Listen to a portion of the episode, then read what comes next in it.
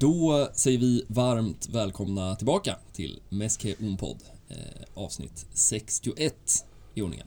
Ja, och eh, vi kan väl i alla fall eh, med viss glädje ändå eh, säga att vi höll vårt löfte från förra veckan. Stämmer. Och det är alltid någonting. Ja, alla fall. Eh, och vi hoppas att vi har hittat balans i ljudnivåerna Mm. eh, idag. Eh, vi noterade ytterligare lite buller här. Det verkar alltid vara renoveringstankar i studion. Eh, Ja, vi får ju brasklappa för det nu direkt. Ja. Men förhoppningsvis så, så hörs det inte igenom.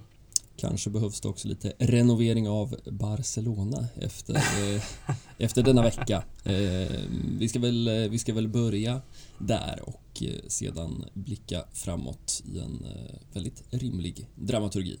Eh, men det för oss väl, och det finns väl ingen anledning att undvika ämnet eh, direkt in på förra veckans Champions League-spel. Ja, vi spelade väl in där eh, strax innan den fighten. Precis.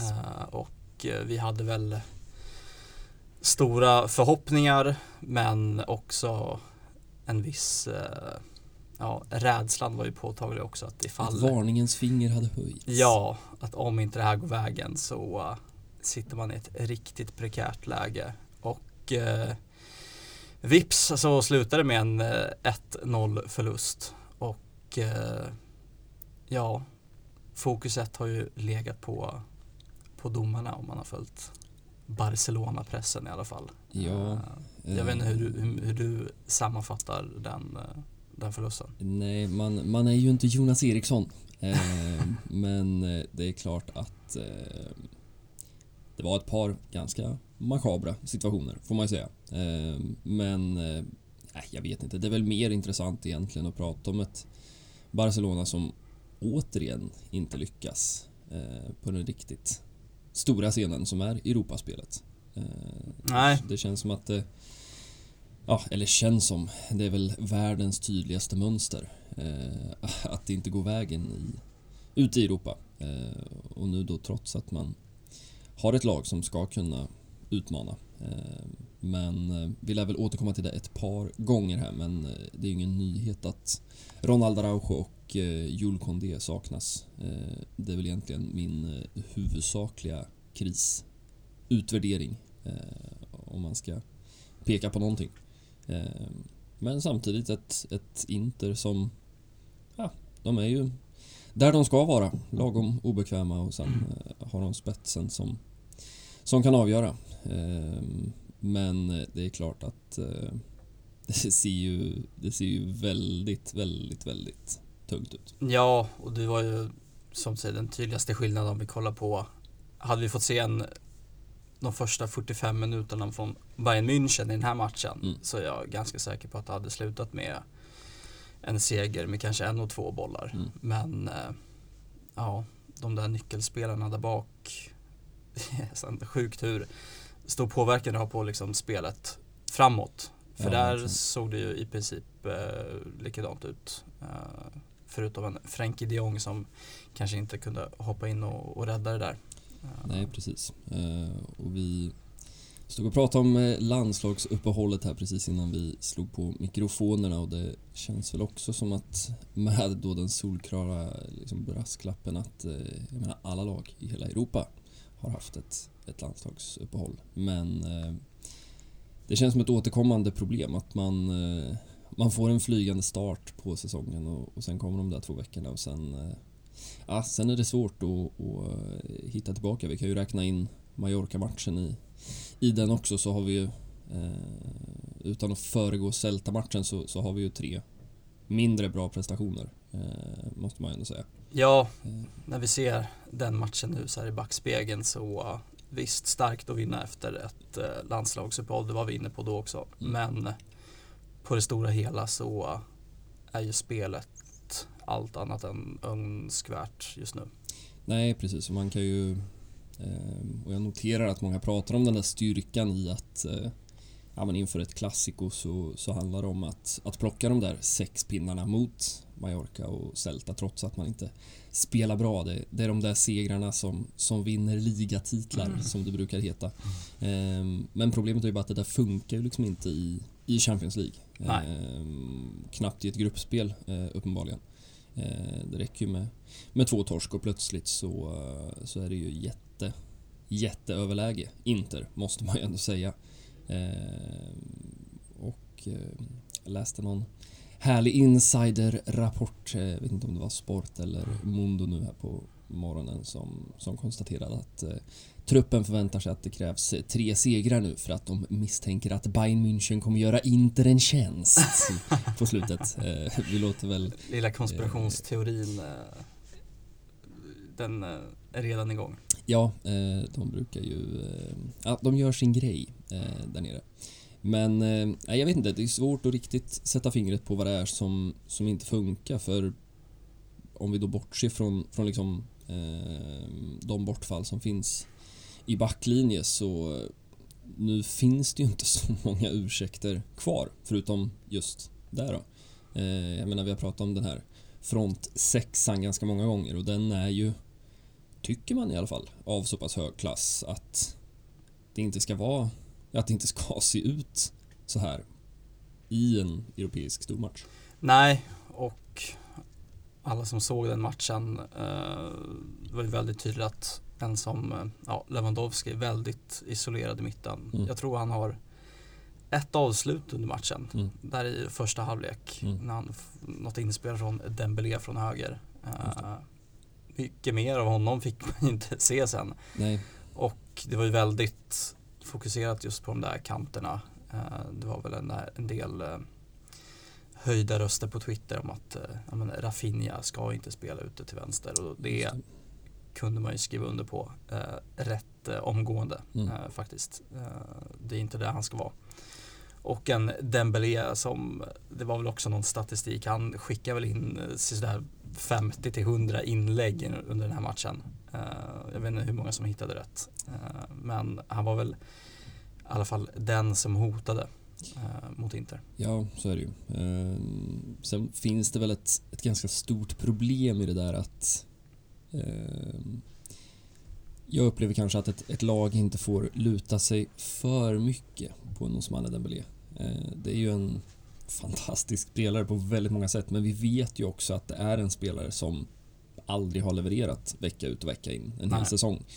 Ehm, och jag vet att vi pratade tidigt om det där när Xavi tog över att, att det var så tydligt att man återgick till det här systemet med två rena yttrar efter liksom år av Antoine Griezmanns och Leo Messis i de där positionerna. Men ehm, jag vet inte, det, det kommer ju med ehm, lite faror också. Eh, det är klart att de två spelarna, Dembélé och Rafinha i det här läget, de blir ju väldigt avgörande för att det offensiva spelet ska fungera. Eh, man lämnar ganska mycket åt att de ska, ska kunna slå sin gubbe och ha en, ha en bra kväll. Och ja, lyckas de inte med det så, så ser man ganska fort att, att det hamnar i det här inläggsspelet. Eh, Mm. Vilket ju, det finns väl en, kan väl finnas en poäng i det. Eh, om man har en Luc de Jong för all del, en Lewandowski. Men det är ju inte, det är ju inte där och det är ju inte så man vill se ett Barca. Det är ju inte där man vill se vara liksom, den första lösningen, den första tanken. Det känns inte som att Xavi har många inläggsövningar på träningarna Nej. om hur, Eh. eh, hur man ska hitta rätt ytor. Precis, Utan, och det är därför man funderar på då hur och, och varför hamnar man där? Ehm, för det är klart att det, det är också skillnad på... Alltså, man ska ju inte peta ner på att slå inlägg. Eh, men, men det finns ju skillnad på, på ett inlägg med tanke och ja, men det känslan av att man mer vispar in bollarna. Eh, Lite på chans och hoppas Ja. att, eh, att det liksom det blir någon touch här och där. Och det Mm. lyckades ju de en gång när Pedri hade Ja, den där precis. kvitteringen i mål. Sant. Men där den snuddar på Ansos fingrar Mm. eh, precis innan. Eh, och det, det var den gången man lyckades. Mm. Eh, och det är väl en gång på sådär 50.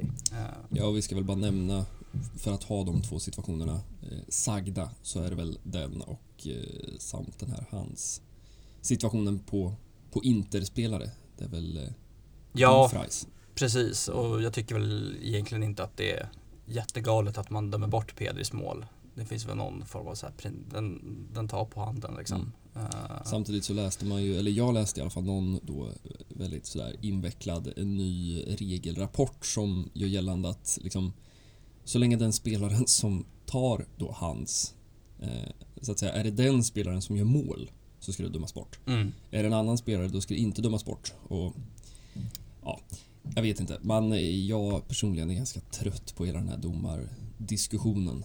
Ja. Eh, Men eh, för egen del kan jag väl säga att jag tycker typ att ingenting är hans. Så jag hade ju gärna sett att han hade låtit målet gå och att eh, straffen var Att att, det inte- inte skulle ha blivit straff helt enkelt. Nej, för det, är- men, det är väl kanske det som många har snackat mest om hur Att det slår åt samma håll i Ja. båda situationerna. Liksom. Eh, nej, men som sagt, man ska ha med sig i allt jag säger i hans diskussioner att jag eh, är så otroligt trött på att matcher avgörs på en, eh, en hands någonstans långt ut i straffområdet. Mm. Eh, måste fan få till en, någon typ av ändring. Jag, Ja, jag, jag har ingen ja. bra lösning, men Nej. eh, jag är eh, oerhört trött på det. Det är väl någon, eh, är det Liverpool City förra säsongen när Laporte eh, plockar någon hand i straff. just det. Det är liksom, det är ju hans, men det är liksom så...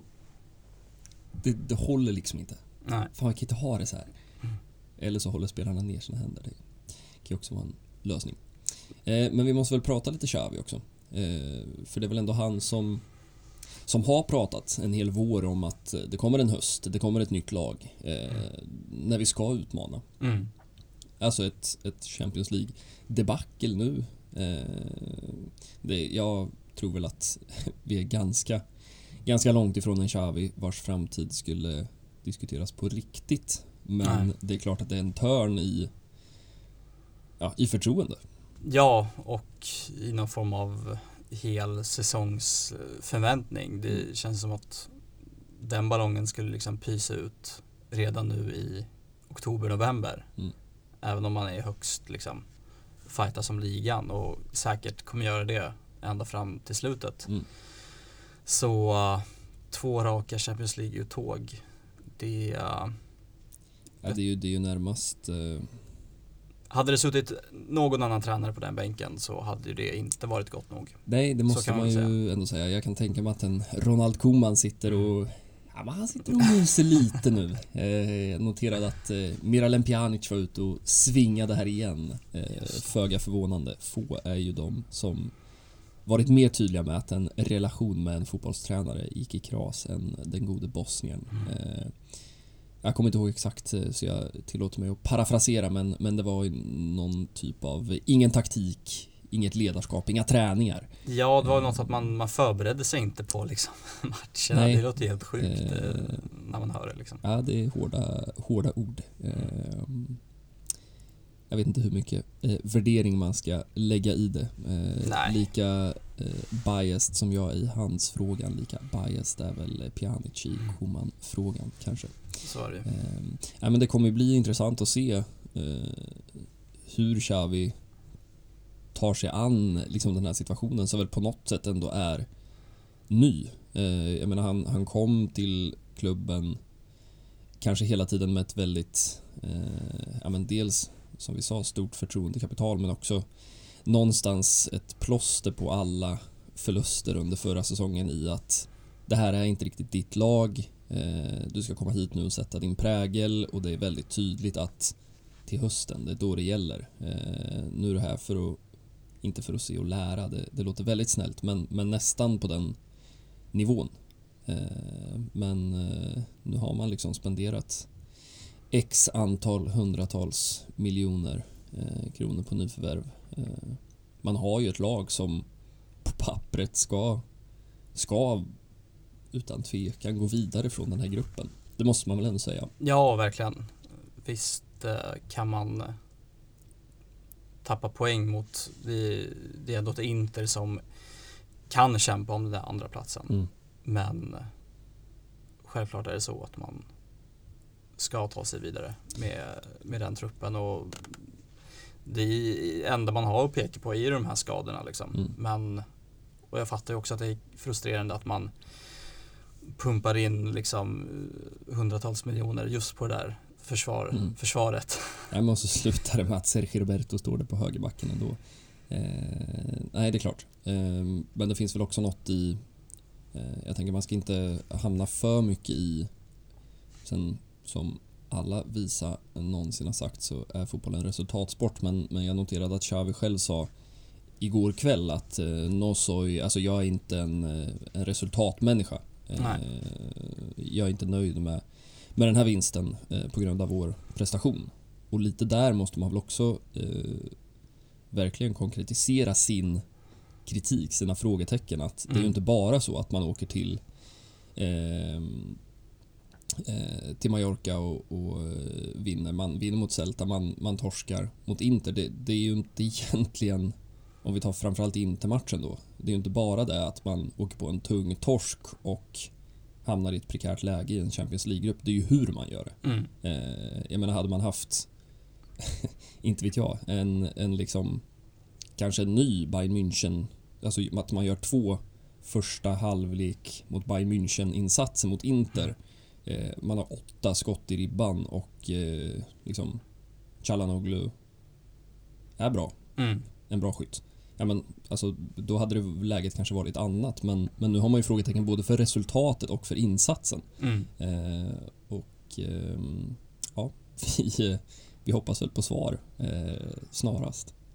Ja, vi fick ju inte det eh, nu mot Celta här igår mm. kväll som den matchen spelades. Ja, vi kanske ska brygga över dit. Ja, för det var ju någon form av ny ihopsnickrad eh, backlinje där med, vad var vi inne på, tre, tre vänsterbackar. Ja, ögonbryn höjdes mm. eh, när den startelvan presenterades. Balde till höger, Marcos Alonso i mitten tillsammans med Piqué.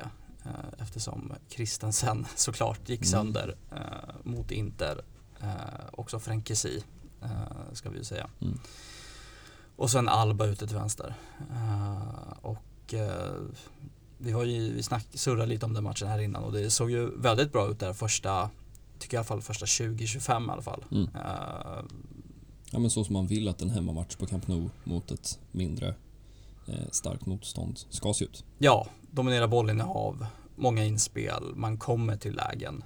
Uh, vi har en Ferran Torres som inte är någon nöjd. Som, uh, han får väl ett riktigt bra läge där när mm. Alba spelar in honom ja, i princip helt ren och han missar bollen. Mm. Uh, men sen fick man väl någon form av Koman flashback. Hur man liksom, ja.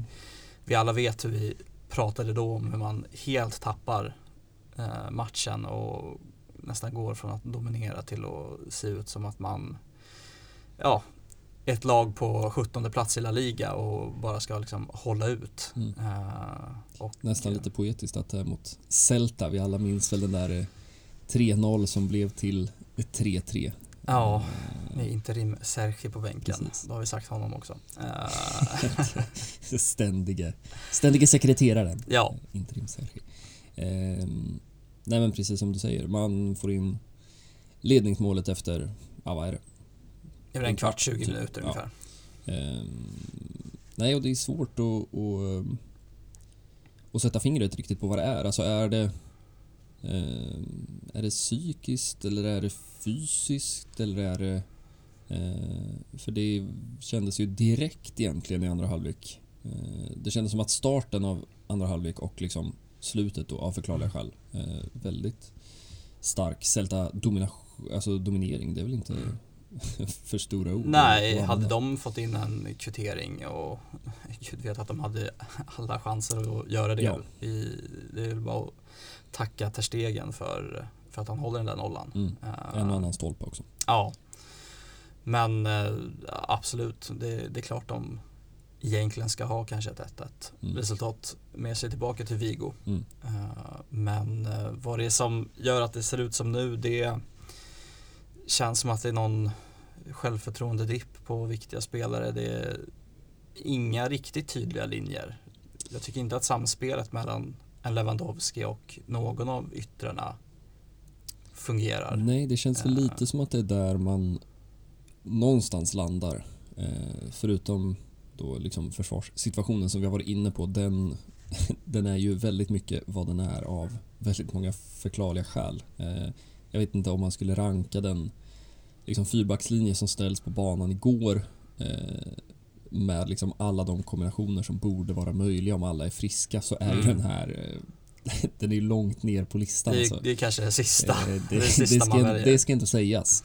Men, men återigen, de här, eh, det är liksom samma frontsexa som, som startar igår och eh, man, eller jag har i alla fall väldigt svårt att se eller att förstå, kanske framförallt med det treman mittfältet med Pedri, Gavi, Busquets eh, efter då minut 55, 56, 57, 58 när man känner att oj, eh, jäklar, eh, de, de har gaddat ihop sig i halvtid. Nu blir det liksom åka av. Mm.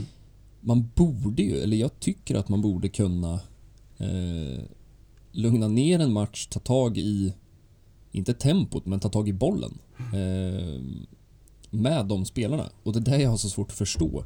Eh, för det, jag menar, det är ju inte Gerard Gumbau som springer runt på mitten, utan Nej. det är ju liksom det är skickliga spelare. Så vad är det som gör att man man tappar ju totalt kontrollen av matchen. Eh, och det är inte heller så, upplever jag i alla fall, jag vet inte om du delar den bilden, men ibland så är ju Barsas svaghet att man är så vana att ha bollen så att när man inte har bollen så agerar man som att man alltid har haft bollen. Mm. Det vill säga, yttrar förstår inte att nu kanske vi behöver andas. Om man tar Dembélé, man brukar ju kunna hitta eh, det antal bolltapp han har per match och det brukar kunna ligga mellan 20 och 25 en, en liksom dålig kväll. Men riktigt så upplevde jag inte gårdagen heller. Som att Nej. det var fel beslut, utan snarare som att Celta helt enkelt klev på eh, och gjorde det bra. Eh, och då vet jag inte om man ska vara orolig på riktigt. Alltså klarar inte ett Barca att kontrollera en match i ledning mot Celta, ett bra Celta, men på hemmaplan.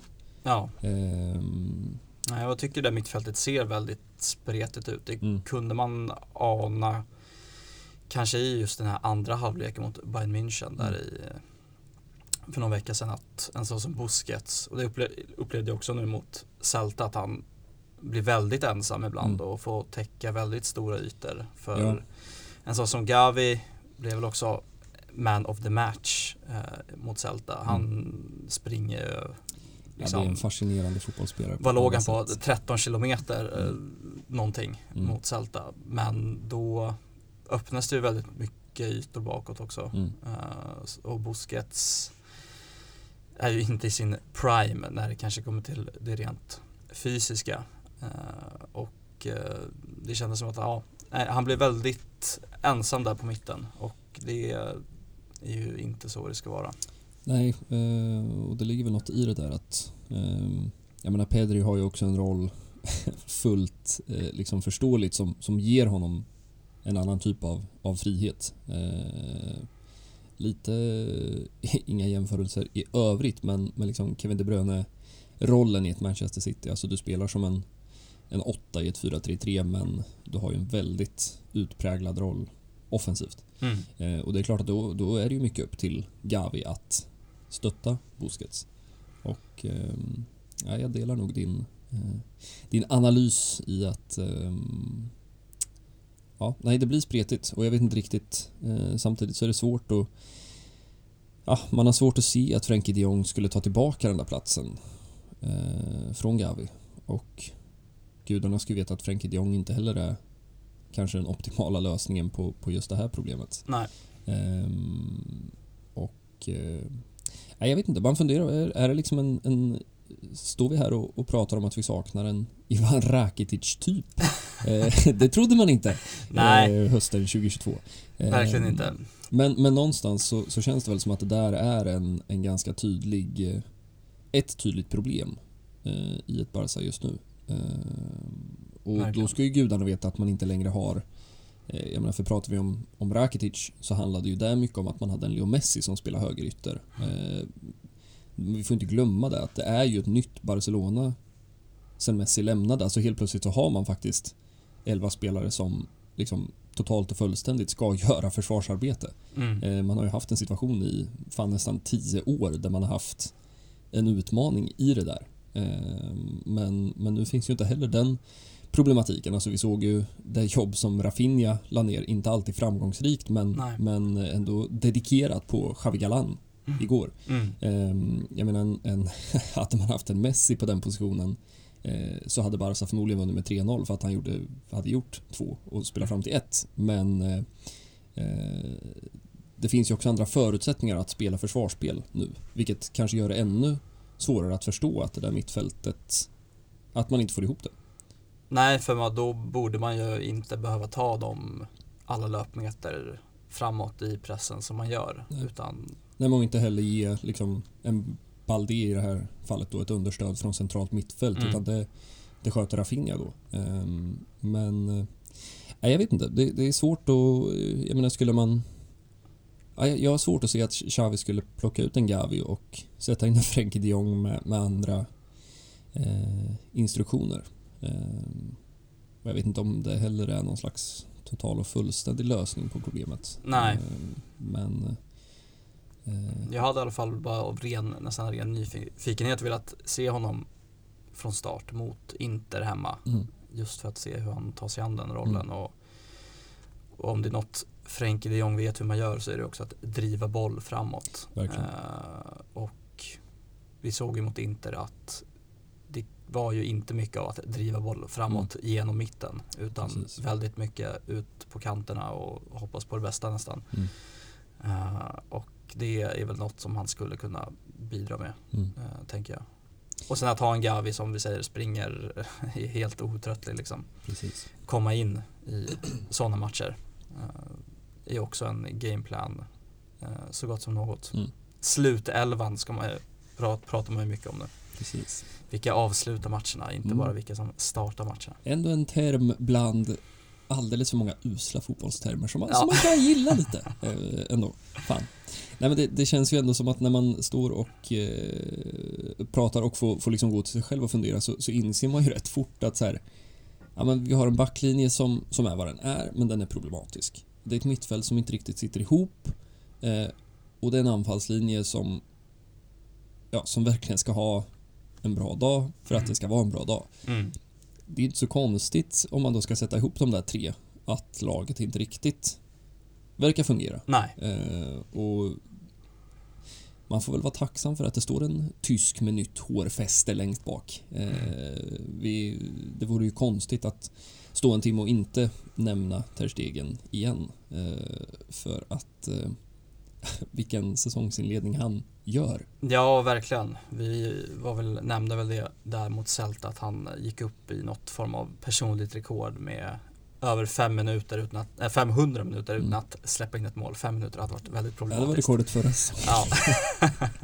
nu är han väl uppe i över 600 borde det ju vara. Ja, Eh, och, eh, eller eh, 95 procents räddnings eh, blir det ju höga siffror då förklarligen i eh, La Liga. ja, Eh, man har släppt in ett mål. Ja, det är helt... eh, Och det var en viss Alexander Isak Ja. väl som petade in den där mot Stämmer.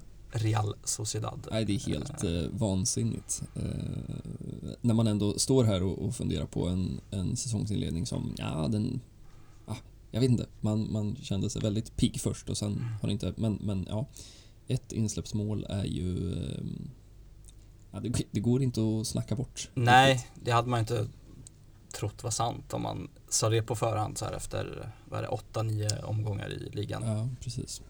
Ehm, vi ska väl också bara notera eh, i vanlig ordning att eh, det fanns några återkomster, mer eller mindre kära. Eh, Celta har väl en, en härlig tendens av att ha, eh, om inte Barca-spelare så i alla fall La Masia-spelare, men eh, Carles Perez var ju tillbaka. Mm. Eh, noterar att den blonda kalufsen är borta. Eh, Oscar Mingueza fick eh, sådär tre minuters speltid. Eh, Ja, och där är väl hästsvansen borta och det, det är man väl glad för.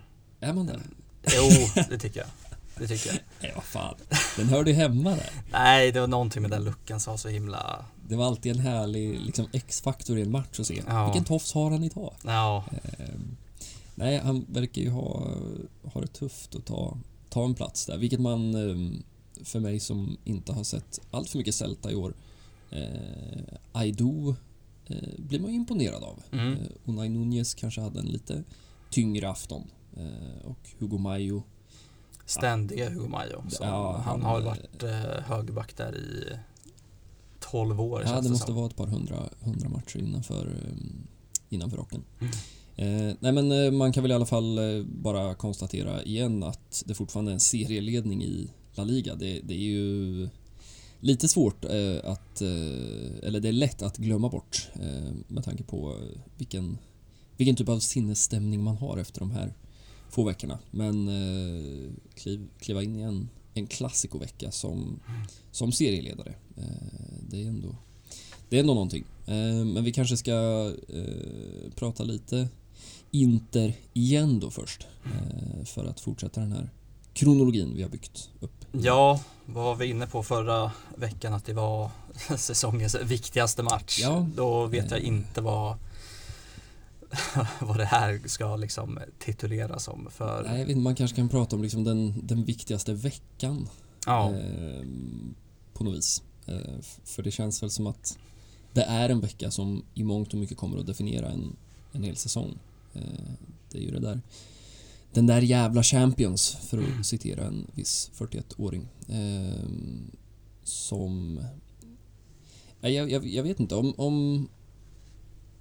Om det blir liksom 1-1 på onsdag eh, och Champions League liksom tar slut i mitten på oktober eh, igen. Det är klart att eh, att ens med, vi stod ju här förra veckan och, och pratade ekonomi också. Eh, alltså hur, hur ser det ut där i budgeten? Alltså finns det, finns det utrymme för det utfallet? Mm.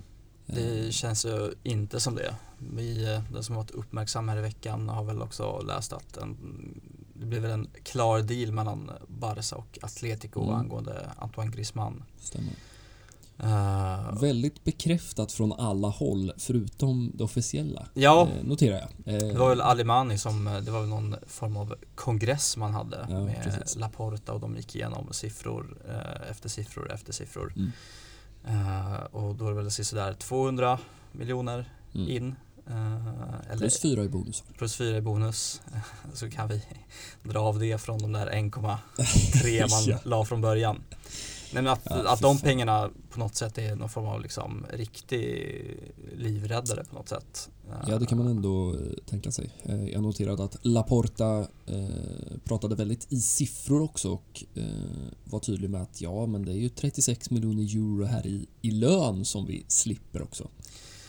Ja, för det är en annan siffra jag, som jag också scrollar förbi att av någon form av intäkter man får in så går 77 procent av dem till just bara spelarlöner, mm. vilket är en helt eh, bisarr siffra mm. egentligen. Mm. Uh, nej men litet sidospår, att man pratar om sådana pengar som liksom livsviktiga mm. och så finns det liksom en reell risk att man missar på eller hundratals miljoner man inte ja. får in om man inte går till ett Champions League-slutspel uh, och går vidare från gruppen och, och får de här kanske åttondel kvartsfinalmatcherna Eh, så ja, mörkt. Nej, så är det ju. Eh, jag ska bara spinna vidare lite på det där sidospåret eh, på tal om att verkligen tala klarspråk.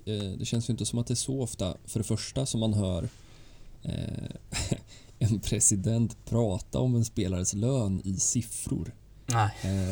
Jag, jag, vet inte, det kan inte finnas allt för många exempel, men, men jag noterade också att Alemani pratade om att ja, men på tal om det här med att spelarlönerna har varit liksom hiskliga eh, både sett till summor och till, till liksom andel av omsättning att eh, ja men ungefär ja eh, det har varit liksom pissigt som fan. Nu har vi gjort eh, underverk i sommar. Eh, ge oss en eller två säsonger eh, för då är de här gamla kontrakten borta.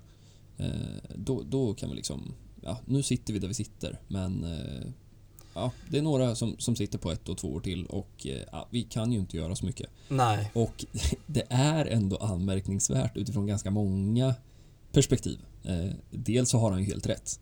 Eh, dels så pratar han ju om väldigt explicit. Man, man behöver ju inte vara rymdforskare för att förstå vilka spelare han pratar om. Jag tänker återigen som en sån som Jordi Alba som redan har varit ute och pyst lite i, i Mundo. Eh, att eh, ja, men det är ändå lite anmärkningsvärt att, att klubbledning faktiskt pratar så tydligt om spelare som att de ska fasas ut. Även om alla vet det. Det är inga hemligheter. Nej. Men, men eh, det känns som att det finns liksom en Ja, beroende på vilken sida man står på så kan man väl kalla det en, en transparens och en ärlighet eller en, en cynism. Det verkar ju ändå som att man har varit tydlig med att man, har, att man ska välja det här spåret Mm. eh, redan från början. Mm.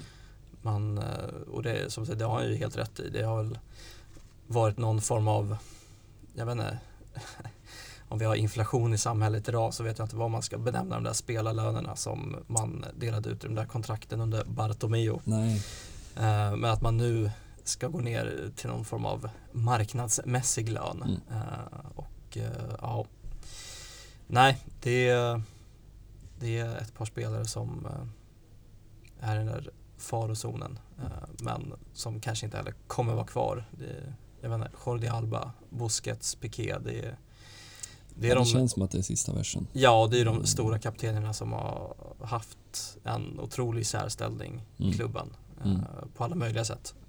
som nog få ha gjort det sista efter den här säsongen vad det verkar. Ja, det känns väl så. Det är möjligtvis Busquets som skulle kunna få en livlina, känns det väl som. Mm. Ehm, där är det väl kanske snarare hans eget val eh, hur mycket MLS lockar eller inte. Ehm, Ja, det är väl Inter Miami eller LA Galaxy. Ska han, Precis. han och Ricky Push bildar Ja, men det är mittfält. ändå en trea man vill se. Ja. Ehm, så Chicharito längst fram. Mm, Ehm, mm. mysiga MLS. Ricky som gjorde mål här i helgen. Det Ja. är, koll- Scrollar man sin Barcelona-relaterade Twitter eller Instagram så Ja, det är väldigt smidigt för att han själv eh, Han lägger ut allting. han, han bygger ju sig själv eh, där borta. Ja, Eh, Eh, ja, man noterar också på via Instagram där att han verkar ju ah, han verkar må ganska bra. Det är lite surfing och det är lite shopping och ja, eh, det är någon in and out burgare Ja. eller två. Eh, eh, Nej, man blir ju så länge Ricky Push är glad så, så är jag också eh, lite glad i alla fall Ja. i denna eh, tillvaro.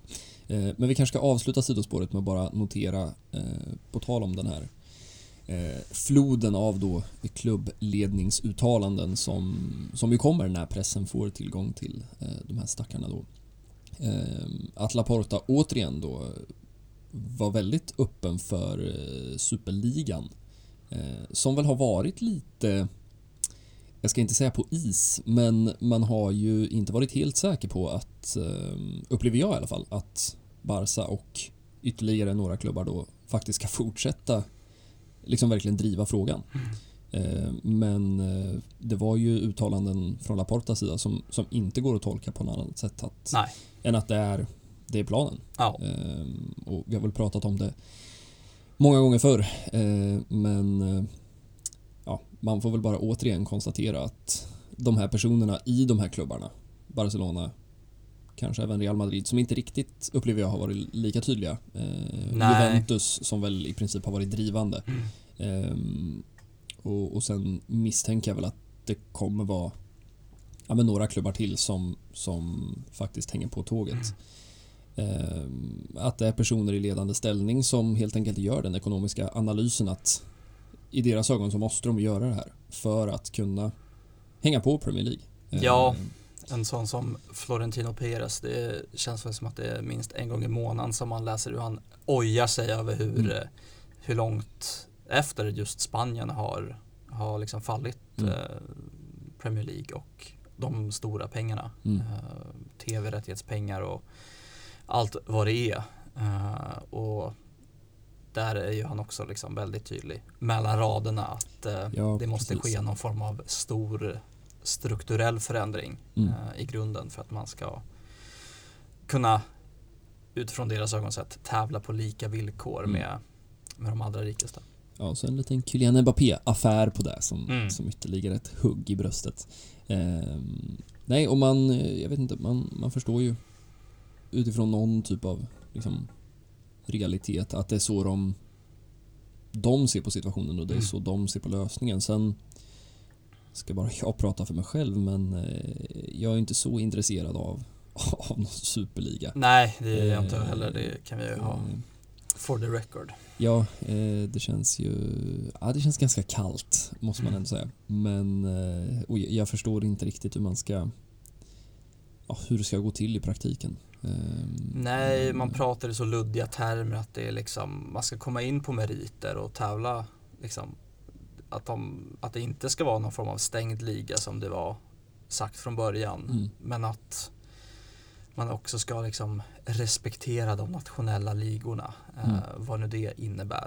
Eh, Ja, nej, men och, någonstans måste man väl också bara liksom flika in i debatten att jag menar när det är Barcelona och Real Madrid som, som står på, på liksom barrikaderna och pratar om orättvisorna eh, så ska man ju ha med sig att tv-avtalen, för det är ju mycket tv-avtal vi pratar om, i Spanien är ju designade på ett sånt sätt som gynnar de här klubbarna något oerhört.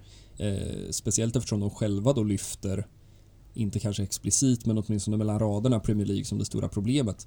Alltså Premier League har ju ett helt annat system där man har liksom spridit pengarna på ett Mm. annat sätt. Varav Nottingham Forest kan värva Renan Lodi från Atletico Madrid för liksom 25-30 miljoner pund. Mm.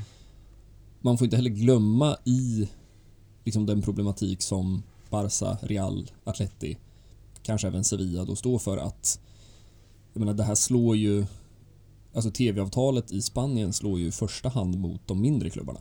Eh, och sen lägger man på liksom Ja, jag vet inte vad man ska kalla det men, men den lönestrategi som, som ligan har haft nu med, med rätt tuffa tak. Eh, även om Barca, Real, Atleti har haft det tufft så, så, så vill man ju inte veta hur det känns att vara revisor i Elche.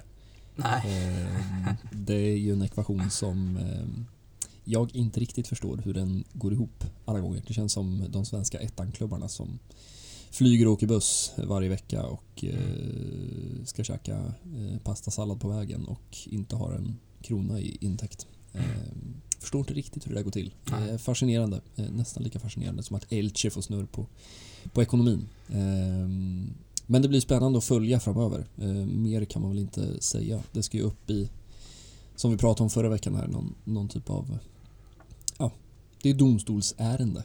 Eh, ja, det är ju verkligen stor politik liksom och har Uefa monopol på mm. europeisk fotboll och dess turneringar och utformandet och allt sånt där. Utan eh, mm, det, nej, det blir spännande. Det förändringarnas vindar blåser kanske. ja, som vanligt. Eh, känns det som. Långt sidospår. Eh, tillbaka till eh, Inter-matchen.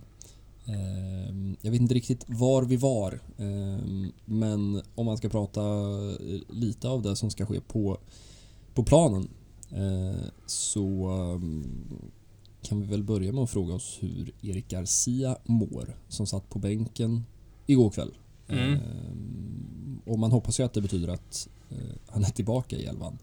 Ja, det, jag kände väl att starten av Marcos Alonso var någon form av kalkylerat liksom drag för att eh, testa lite hur, hur han fungerar på den här Mm. mittbacksplatsen. Han har i alla fall storleken och fysiken men kanske inte snabbheten Precis. eh, för att spela mittback. Men eh, det verkar ju som att det blir Eric Garcia och Piqué eh, som bildar mittlås. Mm.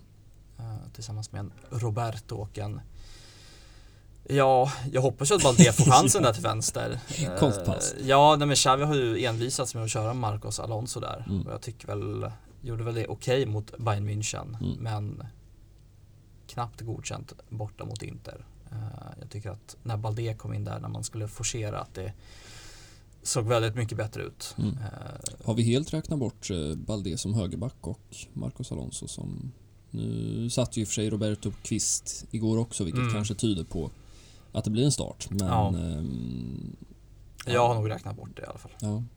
Eh, och frontsexan är frontsexan. Eh, Ja, jag sa ju att jag gärna ser en Frenkie, de Jong ja. tillsammans med Pedri och Busquets. Och eh, ja, Rafinha, Dembélé, Lewandowski, det är väl inte så mycket att hymla om där. Nej, det känns ju inte så. En Ferran Torres eh, stärkte ju knappast sina aktier. Nej, och det, det är ju frustrerande att se en det, halvmiljardsmannen. Eh, lite fascinerande också. ja, Ehm, man skulle vilja sitta ner med honom i eh, en kvart och, och eh, fråga vad det är som vad det är som sker egentligen. För det ser ju, ja det är ett kroppsspråk som ja, uttrycker knappast någon fotbollsglädje. Så Nej. kan man väl eh, konstatera. Eh, Kombinerat med lite lågt självförtroende Såklart. så är väl det förklaringen till varför det ser ut som det gör. Sällan en bra kombo. Eh, Men vi kanske ska gå vidare och eh, prata om den här andra matchen. Den lilla stora matchen som eh, stundar eh, i denna eh, Ja, men vi, vi får väl kalla det den avgörande veckan. Eller kanske den, inte den avgörande, men den, den viktigaste veckan. I alla fall, på hela säsongen. Det måste jag ändå säga att jag vågar slå fast. Jag tror inte... Sen står man väl här och så har man en, eh, inte vet jag, en seriefinal i La Liga och en Champions League-final i, Mm. i vår. Eh, men, men ehm, vad fan, jag tar ändå på mig det. Jag brandar den. Eh, och det är ett klassiko som väntar på söndag. Eh, avspark 16.15. Eh, vilket jag anser bryter mot alla klassikoregler eftersom klassikon ska spelas kväll med ljus. Ja, Eh, men med det sagt, eh, var, eh, var på skalan eh, sitter temperaturen? nej men det är väl hett, absolut.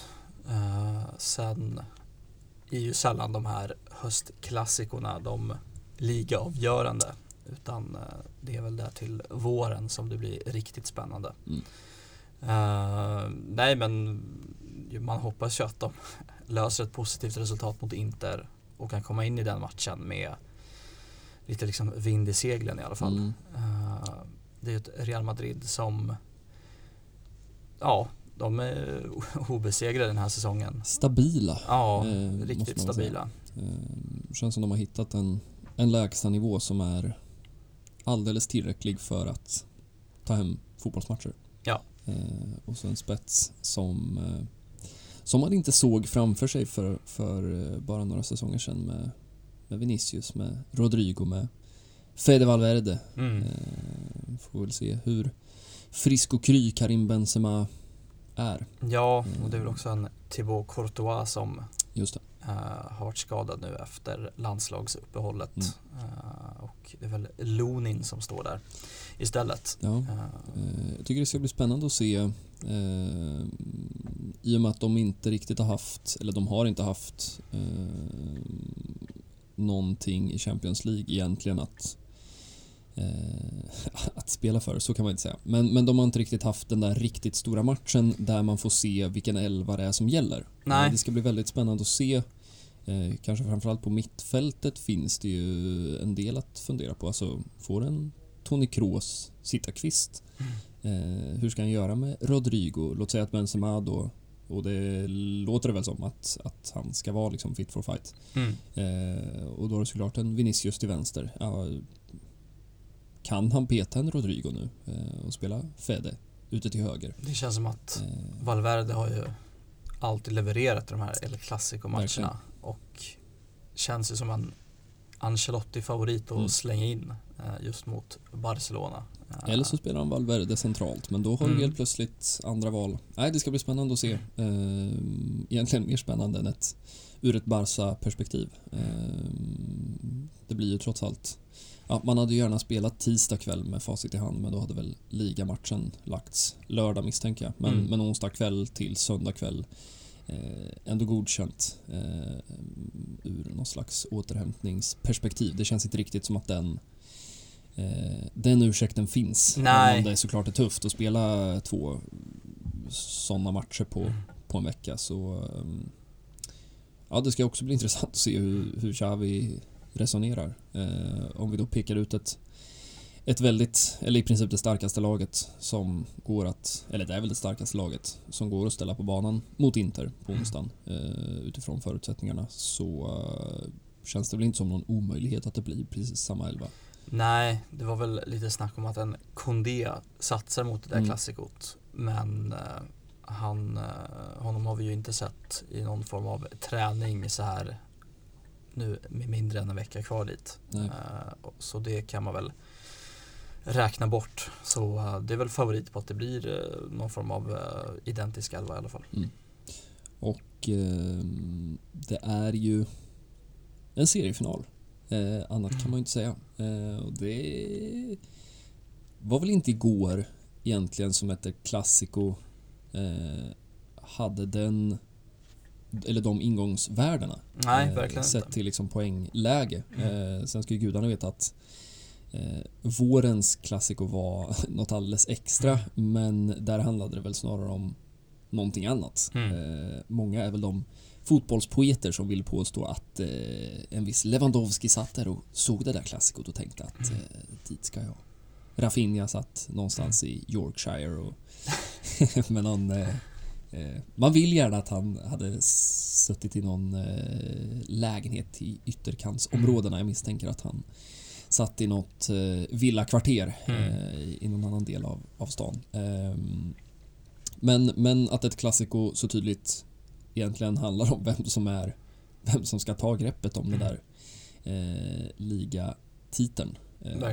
Även om det såklart är tidigt att prata om men eh, det, det känns som att det var ett tag sedan. Jag vet inte riktigt när, när man senast kunde prata om det.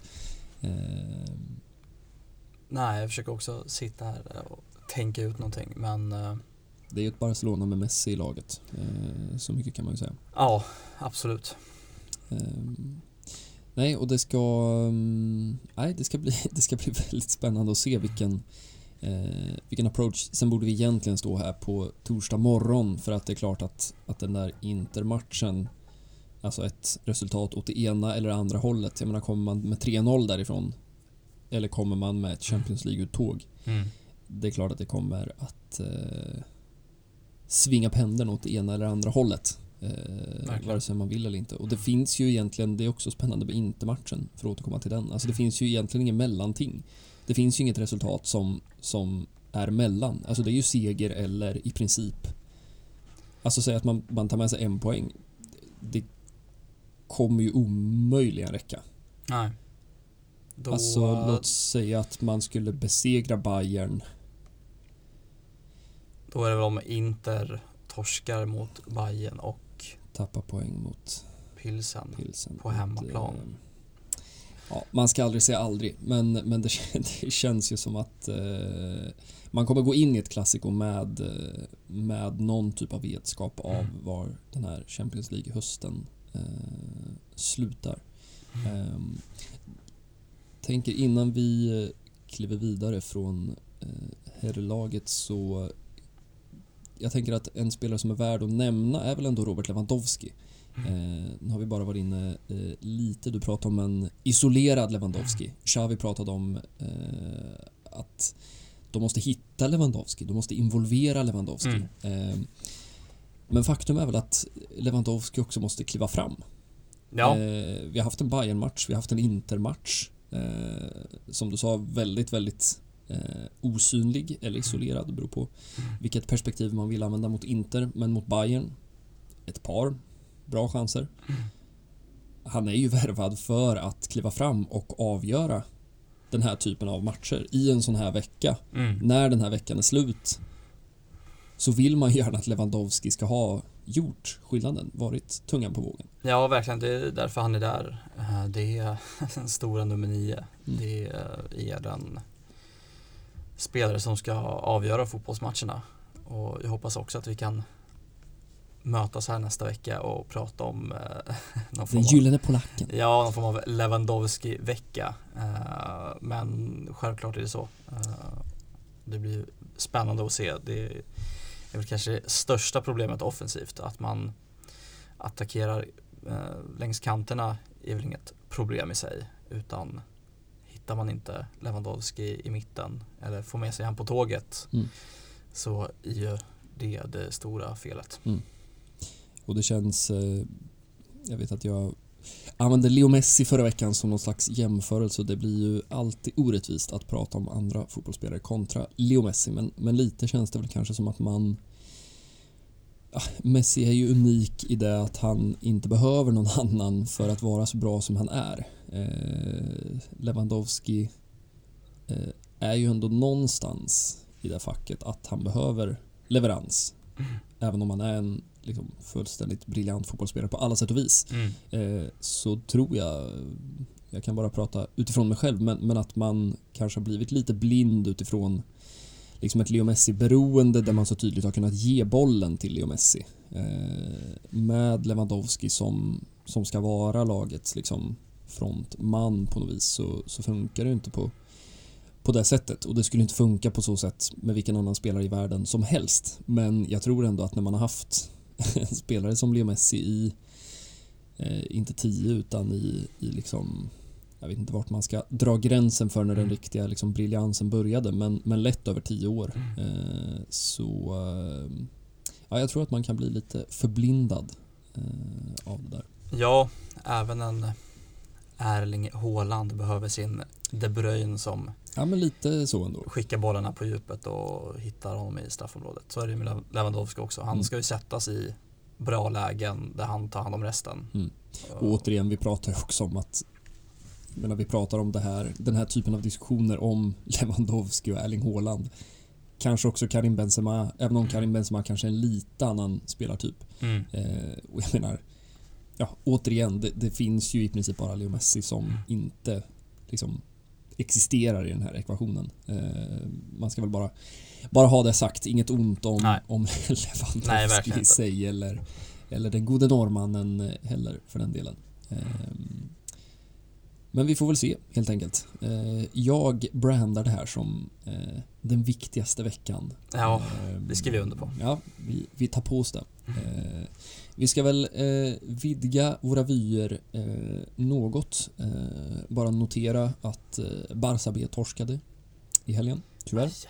Andra Eh, raktorsken då. Andra raka. Eh, och eh, ja, man börjar bli lite, inte orolig ska jag säga, men det känns som att det där projektet eh, Ja, det sker lite i skymundan. Man hör inte så mycket om det. Nej, Eh, och eh, det har väl sina förklaringar med att eh, 99-generationen kom och gick utan att kanske göra det där riktiga avtrycket som, som man trodde.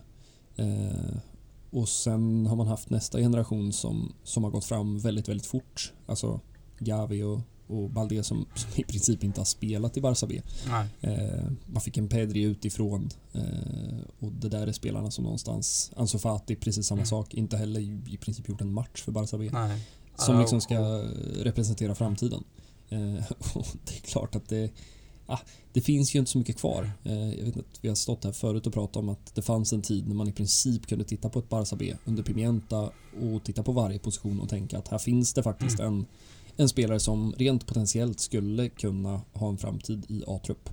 Eh, och tittar man på det här Barça B som ställs på banan nu så är det absolut skickliga spelare men eh, ja, det är inte svårt att notera skillnaden. Nej. Eh, så är det bara. Vi ska väl notera att Shadi Riyad, som vi pratade om förra veckan, satt Mm. bänken mot Celta. Även Casado igen. Eh, vi får väl se om det kan bli några minuter här framöver. Eh, spelschemat tillåter ju på sitt sätt, motståndet tillåter det inte Nej. riktigt eh, av förklarliga skäl. Eh, vi måste prata lite femini också. Eh, landslagsuppehåll. Eh, vi, vi bara nuddade vid det förra veckan. Eh, men noterbart är ju att eh, det har bedrivits, gissar jag, väldigt kvalitativ fotbollsträning i Barcelona med tanke på att eh, inte en enda spelare har varit på landslagsuppdrag i Spanien. Nej, den där eh, strejken eh, har ju verkligen skakat eh, och uppmärksammats. I, Fotbollsvärlden måste man väl säga. Ja, det är Mm. väldigt uppmärksammat i, i jag vet inte om det någonsin har hänt förut att en så pass stor grupp verkligen eh, på ett så tydligt sätt eh, strejkar eh, under, eh, ja eller på grund av en specifik förbundskapten. Nej, det är ju makabert. Eh, Och man mötte ju Sverige här, det är ju träningslandskamper Mm. och eh, ja, det är ju inte svårt att räkna ut att det är en hel del Barca-spelare som är bland de där 15. Mm. Det är ju i princip, tror jag, en, en från Barcelona som var med. Mm. Eh, men eh, resten eh, återfanns i katalanska huvudstaden misstänker jag.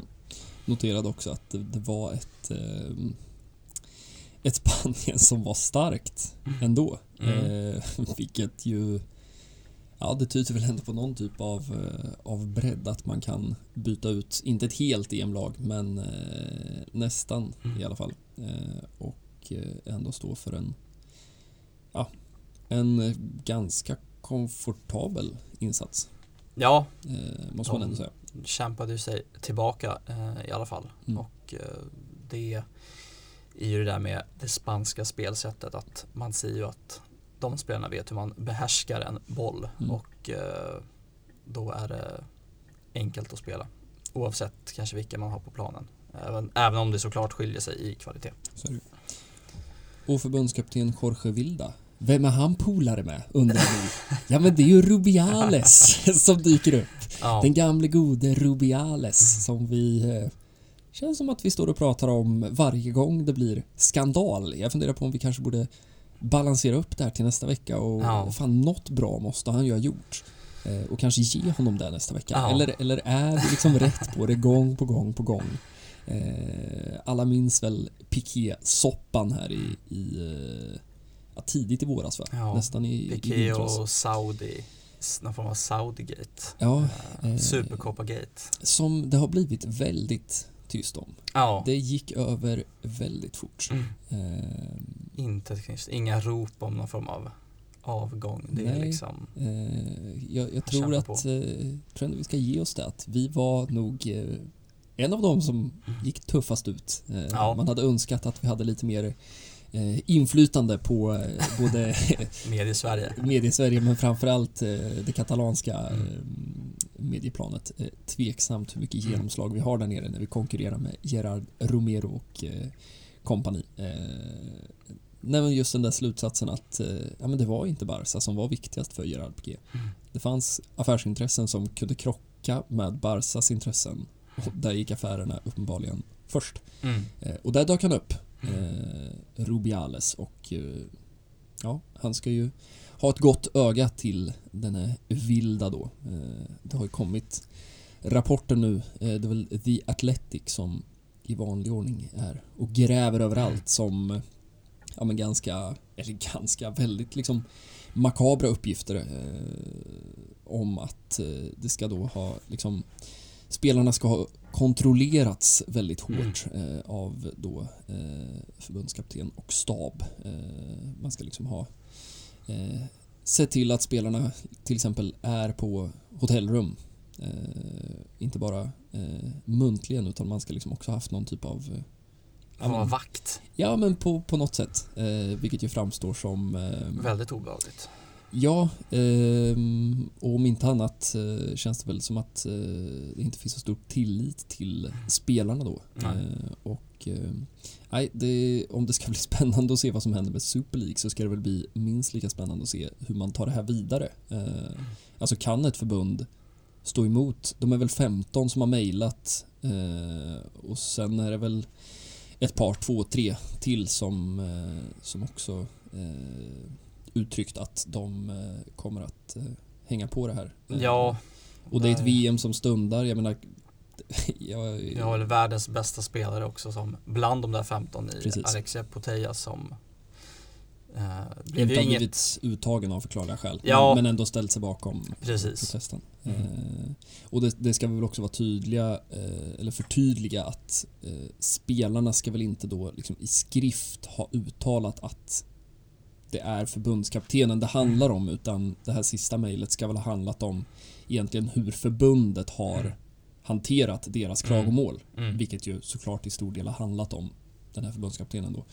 Eh, och eh, ja, en, en djup, djup spricka. Eh, annat kan man väl inte beskriva det. Och eh, frågan är om, om de kommer åka till VM med en, en ny trupp. Ja, det blir ju minst lika spännande som, som någonting annat. Eh, verkligen.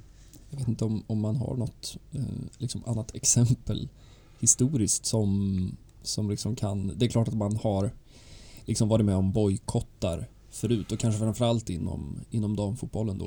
Eh, men, men det har väl mer handlat om, om liksom enstaka matcher.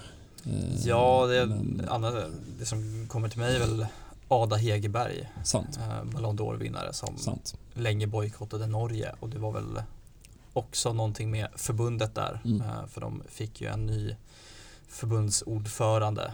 eh, Infekterat där också. Jag vet att eh, det fanns liksom Martin Ödegård var väl Mm. ute och, och inte på krigsstigen men, men antingen så var han missförstådd men, Mm. men han uttalade sig åtminstone på ett sätt som, som antydde på att han inte riktigt eh, höll med. Nej. Eh, men, och det för mig vidare till att jag Sen är ju gudarna ska veta att Spanien är en speciell nation, en speciell fotbollsnation, en speciell politisk nation, en speciell nation på väldigt många plan. Men man har inte riktigt hört, eh, upplever jag i alla fall, från, från herrspelare varken, varken eller. Alltså är det någon, eller har jag missat det här? Är, är det någon som har liksom uttalat stöd eller kritik eller har, har någon pratat om det? Nej, inte vad jag kunnat liksom läsa mig eh, till i alla fall. Eh, Det, det känns eh, spännande. Jag menar, de har ändå...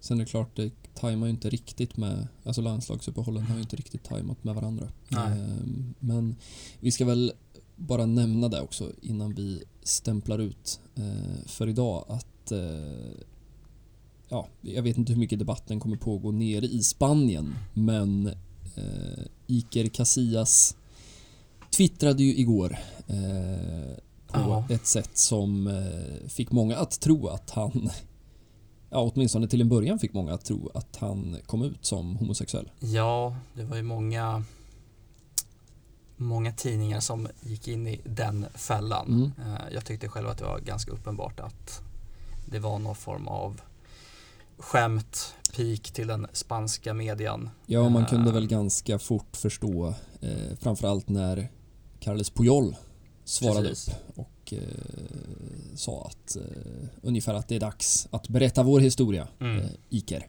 Eh, tweetsen är ju borttagna och eh, åtminstone Puyol gick ut eh, igår kväll och eh, twittrade återigen och eh, menade att han han förstår att han har klivit fel och att han har en väldigt stor respekt för eh, HBTQ-communityt. Ja, Casillas som säger, raderade tweeten och gick ut senare och sa att kontot var hackat. Mm. Den gamla klassikern. Ja. Ehm, Vet jag inte hur, eh, hur trovärdigt eh, det är. Nej, nu är vi Eh, inga cyberexperter här men ehm, ja, vi låter väl eh, vi kan väl säga så här att det, det känns väl inte riktigt så. Nej, Ehm, men eh, ah, jag, vet, jag, jag vet inte hur eh, hur makabert eh, det anses och kommer liksom anses nere i Spanien. Eh, för gudarna ska väl veta att eh, det är på många sätt en annan ett annat samhällsklimat, en annan kanske framförallt samhällsdebatt där nere. Men alltså han jag vet, alltså någonstans så han, känns det som att Iker Casillas är smart. ja, Och jag vet inte varför. Eh, Mm. är det för att han alltid har varit den där lite tystlåtne, eleganta. mm, Eh, men alltså någon måste ju... Det känns som att vi har pratat om det här i andra liksom, sammanhang förut. Att de här personerna, de här i många fall fotbollsspelarna. Alltså någon måste ju finnas där runt om dem som säger Nej, Iker. tryck Nej. inte på tweeta Nej, du, du kan liksom inte, nej, det, det här är liksom... Och att få, ja, nej jag vet, alltså, sen, sen är det väl så att man, man, eh, man befinner sig på olika platser, olika, eh, både fysiskt och psykiskt, men det framstår ju som liksom vulgärt och Mm. eh, ofattbart att man då vilket det ju verkar då handla om. Eh, sen lär vi väl få återkomma nästa vecka. Då kanske man har mer kött på benen. Men, men att eh, den spanska pressen då eh, jämt och ständigt kopplar ihop stackars Iker med eh, respektive fotomodeller och Mm. eh, andra eh, framstående kvinnor i Spanien på olika sätt. Precis. Att han ska ha tröttnat och då tänker att eh, Kommer jag ut här så kan de sluta och skriva om mitt ja, privatliv Nej, med... det är... Nej, man har svårt att, att um, riktigt förstå tankegångarna. Eh, Jag noterade också att den här eh, han är väl australiensisk. Eh, nu borde jag verkligen ha namnet på honom, men det har jag inte. Eh, Ja, som du tänker på den här första fotbollsspelaren som kom ut. kom ut. Ja, men Mm. Josh Cavallo eller något sånt där. Rätt säker på Ja. att det är så han heter. Som, som var ute och twittrade om att eh, ja, han kände väldigt stor besvikelse över att två liksom så pass, eh, vilket de ju fortfarande är, så pass stora etablerade namn inom fotbollen eh, skulle använda då eh, men hans sexuella läggning i förlängningen eh, för att då skämta om mediebevakning. Eh, Nej, det är ju osmakligt och det känns väl mer som något någon 20-årig talang kanske hade kunnat skicka ut. Men Ja. det är ju som du säger det som är så förvånande att det är spelare av Iker Casillas och Carles Piol som också får vara någon form av medbrottsling här. Eh, går ut och liksom skämtar och har den här jargongen så öppet. Eh, det, nej, det är inte alls lustigt. Nej, och det fanns väl ytterligare ett lager i det där. Eh, I de minuter eller åtminstone, åtminstone minuter eller kanske även timmar för vissa som, som faktiskt då uppfattade det som att Iker Casillas kom ut. Eh, så, så fanns det också så att säga en eh, rätt markant eh, våg av eh, hat och avsky som eh, flödade in i Mm. det där eh, Twitter-inlägget. Eh, jag satt faktiskt och tittade på det. I vissa inlägg så, så ser man ju hur liksom eh, retweetsen, eh, gilla-markeringarna och Mm. svaren de liksom så här flyger upp i realtid. Eh, och då vet man att eh, nu har det hänt något ordentligt. Ja. Fabrizio Romano brukar ju vara en härlig sån, eh, sitta och bevaka det där. Eh, men det är väl ytterligare ett lager eh, på det där. Verkligen. Eh, det kanske hade varit bättre försvarstal från gode Iker att istället för att använda hacking-ursäkten att det var någon slags socialt experiment Ja, för precis. att då eh, synliggöra denna väldigt utbredda eh, homofobi framförallt på sociala medier kanske. Mm. Ehm, nej, jag vet inte. Eh, det känns eh, mest deppigt. Vi får väl se hur mycket hur mycket pudel det blir här eh, framöver. Ja.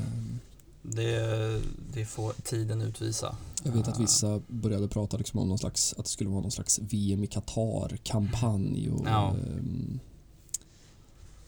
nej. Um, Hacking-ursäkten känns ju tyvärr som, som, Ganska den, ihålig. som den första man går till när man, när man inser att man, eh, man gjort fel. Eh, men det om det. Eh, veckans, eh, vad ska man kalla det, samhällsanalys med Ja. en tå i fotbollen. Eh, också passande då kanske för den viktigaste veckan ändå. Eh, Verkligen. det går väl under temat.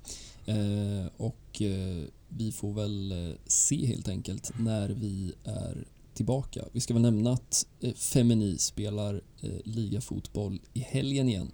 Athletic Club Ja, står för motståndet. Och att det blir två gruppspelsmatcher på Stämmer. Camp Nou ska vi också säga mot Bayern München och FC Rosengård. Mäktiga Rosengård ska äntra Camp Nous Ja. gräs. Eh, Det gillar man ju. kanske veckans roligaste nyhet. Mm. Eh, hur det ser ut för Barcelonas herrar efter klassikot vågar jag mig faktiskt inte ge på. Är det så att det är Champions League igen? Ja, direkt. för man det är mardrömsvecka, eh, mardrömsmånad. Ja. Eh, det är, nej men det är ingen Champions League, men eh, två riktigt tuffa hemmafighter väntar ju. Uh, Villarreal hemma eh, på torsdagen Mm. och sen Athletic Club hemma på söndagen. Ett Atletic Club som flyger, Ja. eh, även om de väl tappade poäng här nu Ja. eh, senast. Eh, Men sen kommer Bayern München på besök Ja. veckan efter det. då får då- vi andas lite. Ja, precis. Nej, för fan. Men vi kan väl säga som så att vi hoppas väl vara tillbaka bakom mikrofonerna innan eh, Unai Emery och kompani kommer till eh, Camp Nou. Eh, Absolut. och så får vi se om vi står och pratar om den viktigaste veckan för säsongen. Tredje gången idag. Eh, återstår att se. Vi tackar för idag och säger på återseende. Det gör vi. Hej. Ciao.